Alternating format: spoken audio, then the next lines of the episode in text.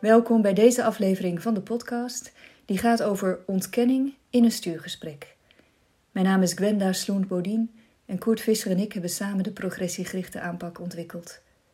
We geven opleidingen in progressiegericht leiding geven en progressiegericht werken en trainingen in progressiegerichte feedback en we schrijven boeken en artikelen. Kijk maar eens op www.cpwportal.nl. Laatst wilde een leidinggevende even met me sparren. Hij had geprobeerd om een sturend gesprek te voeren met een van zijn medewerkers.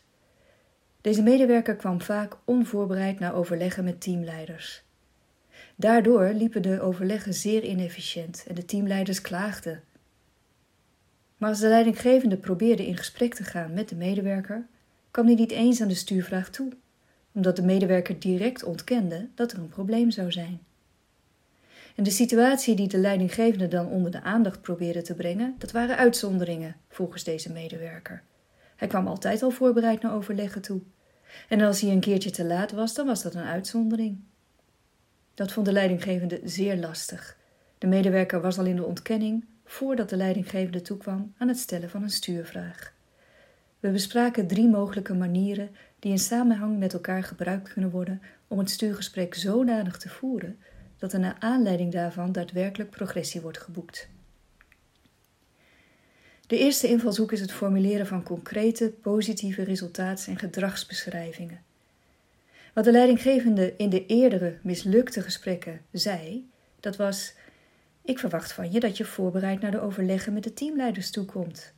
Waarop de medewerker dan zei: Maar ik ben ook voorbereid. En al snel ontstond er dan een wel eens niet situatie in het gesprek. De leidinggevende reageerde dan weer met: Nee, je bent niet voorbereid. En de medewerker met: Dat ben ik wel degelijk. Ik kom altijd voorbereid naar de overleggen met teamleiders. En met een dergelijke oneenigheid over de feitelijke realiteit kom je als twee partijen tegenover elkaar te staan. Als de leidinggevende positieve, concrete resultaats- en gedragsbeschrijvingen zou gebruiken, dan zou het zo klinken. Goed om te horen dat je altijd voorbereid naar de overleggen komt. De teamleiders en ik zouden merken dat jij de overleggen goed voorbereidt. Op het moment dat jij de agenda zou hebben opgesteld, de casussen voorafgaand aan het overleg inhoudelijk zou hebben geanalyseerd en aan ons zou hebben gemaild. En zo komen met adviezen over hoe we met die casussen het beste verder kunnen gaan. Dus hoe kun jij ervoor zorgen dat deze drie aspecten van de grond gaan komen, zodat de teamleiders en ik ook gaan merken dat je steeds goed voorbereid naar de overleggen toekomt? Deze invalshoek sprak de leidinggevende erg aan. Want in plaats van te gaan discussiëren over de feiten, kon hij op deze manier de samenwerking met de medewerker opzoeken en tegelijkertijd de medewerker activeren om te gaan doen wat de bedoeling was.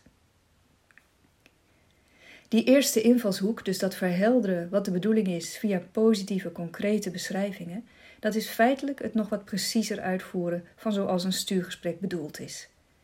Maar stel nu dat de medewerker nog steeds ontkent en zegt: Dat doe ik allemaal al. De tweede invalshoek die de leidinggevende dan kan gebruiken, is het geven van progressiegerichte negatieve feedback. Want in een situatie dat een medewerker niet herkent dat er iets moet verbeteren, kan het nodig zijn om negatieve feedback te geven. En in de praktijk komen er vaak drie niet-effectieve manieren van negatieve feedback geven voor. De eerste is een afschrijvende manier van feedback geven waarbij je de medewerker als het ware incapabel acht om de functie op een goede manier te gaan invullen. Dan zeg je dingen zoals: Ik denk toch dat deze functie niet helemaal bij jou past. Want in deze functie is echt organisatorisch talent nodig en dat heb jij niet. Dat geeft op zich niet, je hebt natuurlijk weer andere talenten, maar het doet me wel twijfelen of je echt geschikt bent voor de functie. De tweede niet-effectieve manier van negatieve feedback geven is door vaag negatieve feedback te geven. En dan zou de leidinggevende zeggen: Ik vind dat het niet helemaal lekker loopt hoor, in de manier waarop jij je werk doet. Het gaat niet helemaal zoals we van je verwachten. De dingen komen niet zo goed van de grond. Het gaat niet helemaal de goede kant op op deze manier. En de derde, niet effectieve manier van negatieve feedback geven, is door op een autoritaire en eisende manier in gesprek te gaan. Bijvoorbeeld door te zeggen: Ik heb je nu al zo vaak gezegd dat je voorbereid naar de overleggen moet komen. Nou doe je het nog steeds niet. Er zijn er weer klachten over jou. Ik ben er echt klaar mee. Als jij je niet snel verbetert, dan dreigt er een slechte beoordeling. Zo kunnen we toch niet op je bouwen? Dat snap je zelf toch ook wel? Deze drie manieren van negatieve feedback geven zijn alle drie schadelijk. De persoon voelt zich incompetent en moedeloos worden heeft bij vage negatieve feedback wel het idee dat er iets niet goed is, maar geen idee in welke richting de verbetering gezocht moet worden. En bij dominante negatieve feedback staat de relatie natuurlijk heel erg onder druk. En kan de persoon ook echt angstig worden of in opstand komen. De kwaliteit van motivatie en de mindset van de medewerker die worden geschaad. En geen van deze drie manieren van negatieve feedback geven zal leiden tot progressie. Maar als de leidinggevende, nadat hij de stuurvraag heeft gesteld aan de medewerker en de medewerker ontkennend heeft gereageerd, progressiegerichte negatieve feedback zou gaan geven, dan zou dat bijvoorbeeld op deze manier klinken. Aha, dus jij bereidt de vergaderingen wel degelijk voor.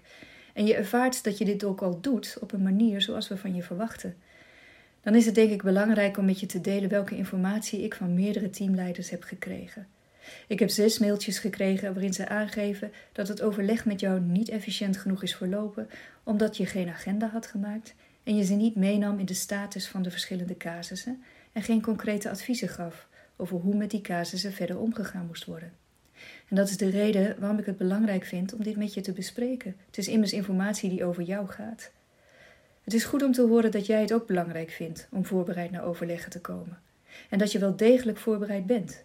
Dat geeft immers een goede basis om de verbetering die van je verwacht wordt, daadwerkelijk te gaan bereiken. Je zou de teamleiders en mij kunnen laten merken dat je daadwerkelijk voorbereid bent op het moment dat je hen voorafgaand aan het overleg de agenda toestuurt en in de agenda de lead neemt om de casussen inhoudelijk in te leiden en er adviezen aan te koppelen hoe ermee verder te gaan. Hoe zou je hiermee aan de slag kunnen gaan om dit te bereiken? Bij een ontkennende reactie combineert de leidinggevende op deze manier progressiegericht sturen met het geven van progressiegerichte negatieve feedback. Via de stuurvraag en de negatieve feedback wordt de medewerker heel duidelijk wat er in positieve termen van hem wordt verwacht. Tegelijkertijd wordt erkenning en waardering gegeven voor zijn positieve intenties. Toen we dit even oefenden, leidinggevende en ik, zei de leidinggevende tegen mij: Ja, dat combineren van waardering voor positieve intenties, sturen en negatieve feedback geven vind ik heel bruikbaar. Want ik heb vaak de indruk dat de medewerker zich niet voldoende gewaardeerd voelt. De derde invalshoek die de leidinggevende en ik vervolgens bespraken, was het benutten van de cirkeltechniek. Want de leidinggevende had de indruk dat die afwerende reactie van de medewerker voortkwam vanuit een gevoel van miskenning en gebrek aan waardering. En als de leidinggevende de cirkeltechniek zou gebruiken, zou die in de binnencirkel al die dingen opschrijven die de medewerker nu al goed in de vingers heeft en goed doet. En in de buitencirkel komen vervolgens de concrete positieve gedragingen en resultaten die de medewerker verder moet gaan bereiken, zoals de agenda opstellen, casussen voorbereiden en adviezen opstellen. Ook deze invalshoek sprak de leidinggevende zeer aan, omdat er via de cirkeltechniek op een elegante manier zowel erkenning wordt gegeven voor alles wat de medewerker al goed doet, als concreet wordt gemaakt waar de leidinggevende vindt dat er verbetering moet komen. En dat doet recht aan de realiteit. Kortom, op het moment dat een medewerker in een stuurgesprek ontkent dat er verbetering nodig is, terwijl de leidinggevende daar wel van overtuigd is, dan kan de leidinggevende deze drie invalshoeken benutten. 1. Geef erkenning voor het perspectief van de medewerker en maak concreet waaraan jij als leidinggevende zou merken dat diens positieve intenties daadwerkelijk handen en voeten krijgen, via concrete, positieve gedragsbeschrijvingen. 2. Geef progressiegerichte negatieve feedback op een informerende, toelichtende toon en niet op een vage, autoritaire of afschrijvende manier. En 3. Benut de cirkeltechniek, waarbij je waardering voor alles wat de medewerker al goed doet combineert met het doelgericht praten over wat de medewerker verder moet gaan bereiken. Door erkenning te geven aan de perspectieven van de medewerker, concrete en informerende feedback te bieden en tegelijkertijd duidelijke verwachtingen te stellen voor toekomstig gedrag, kan een vruchtbare basis voor samenwerking en verbetering worden gelegd. Meer lezen kan in onze boeken en meer leren kan in onze opleiding progressiegericht leiding geven. Kijk maar eens op www.cpwportal.nl.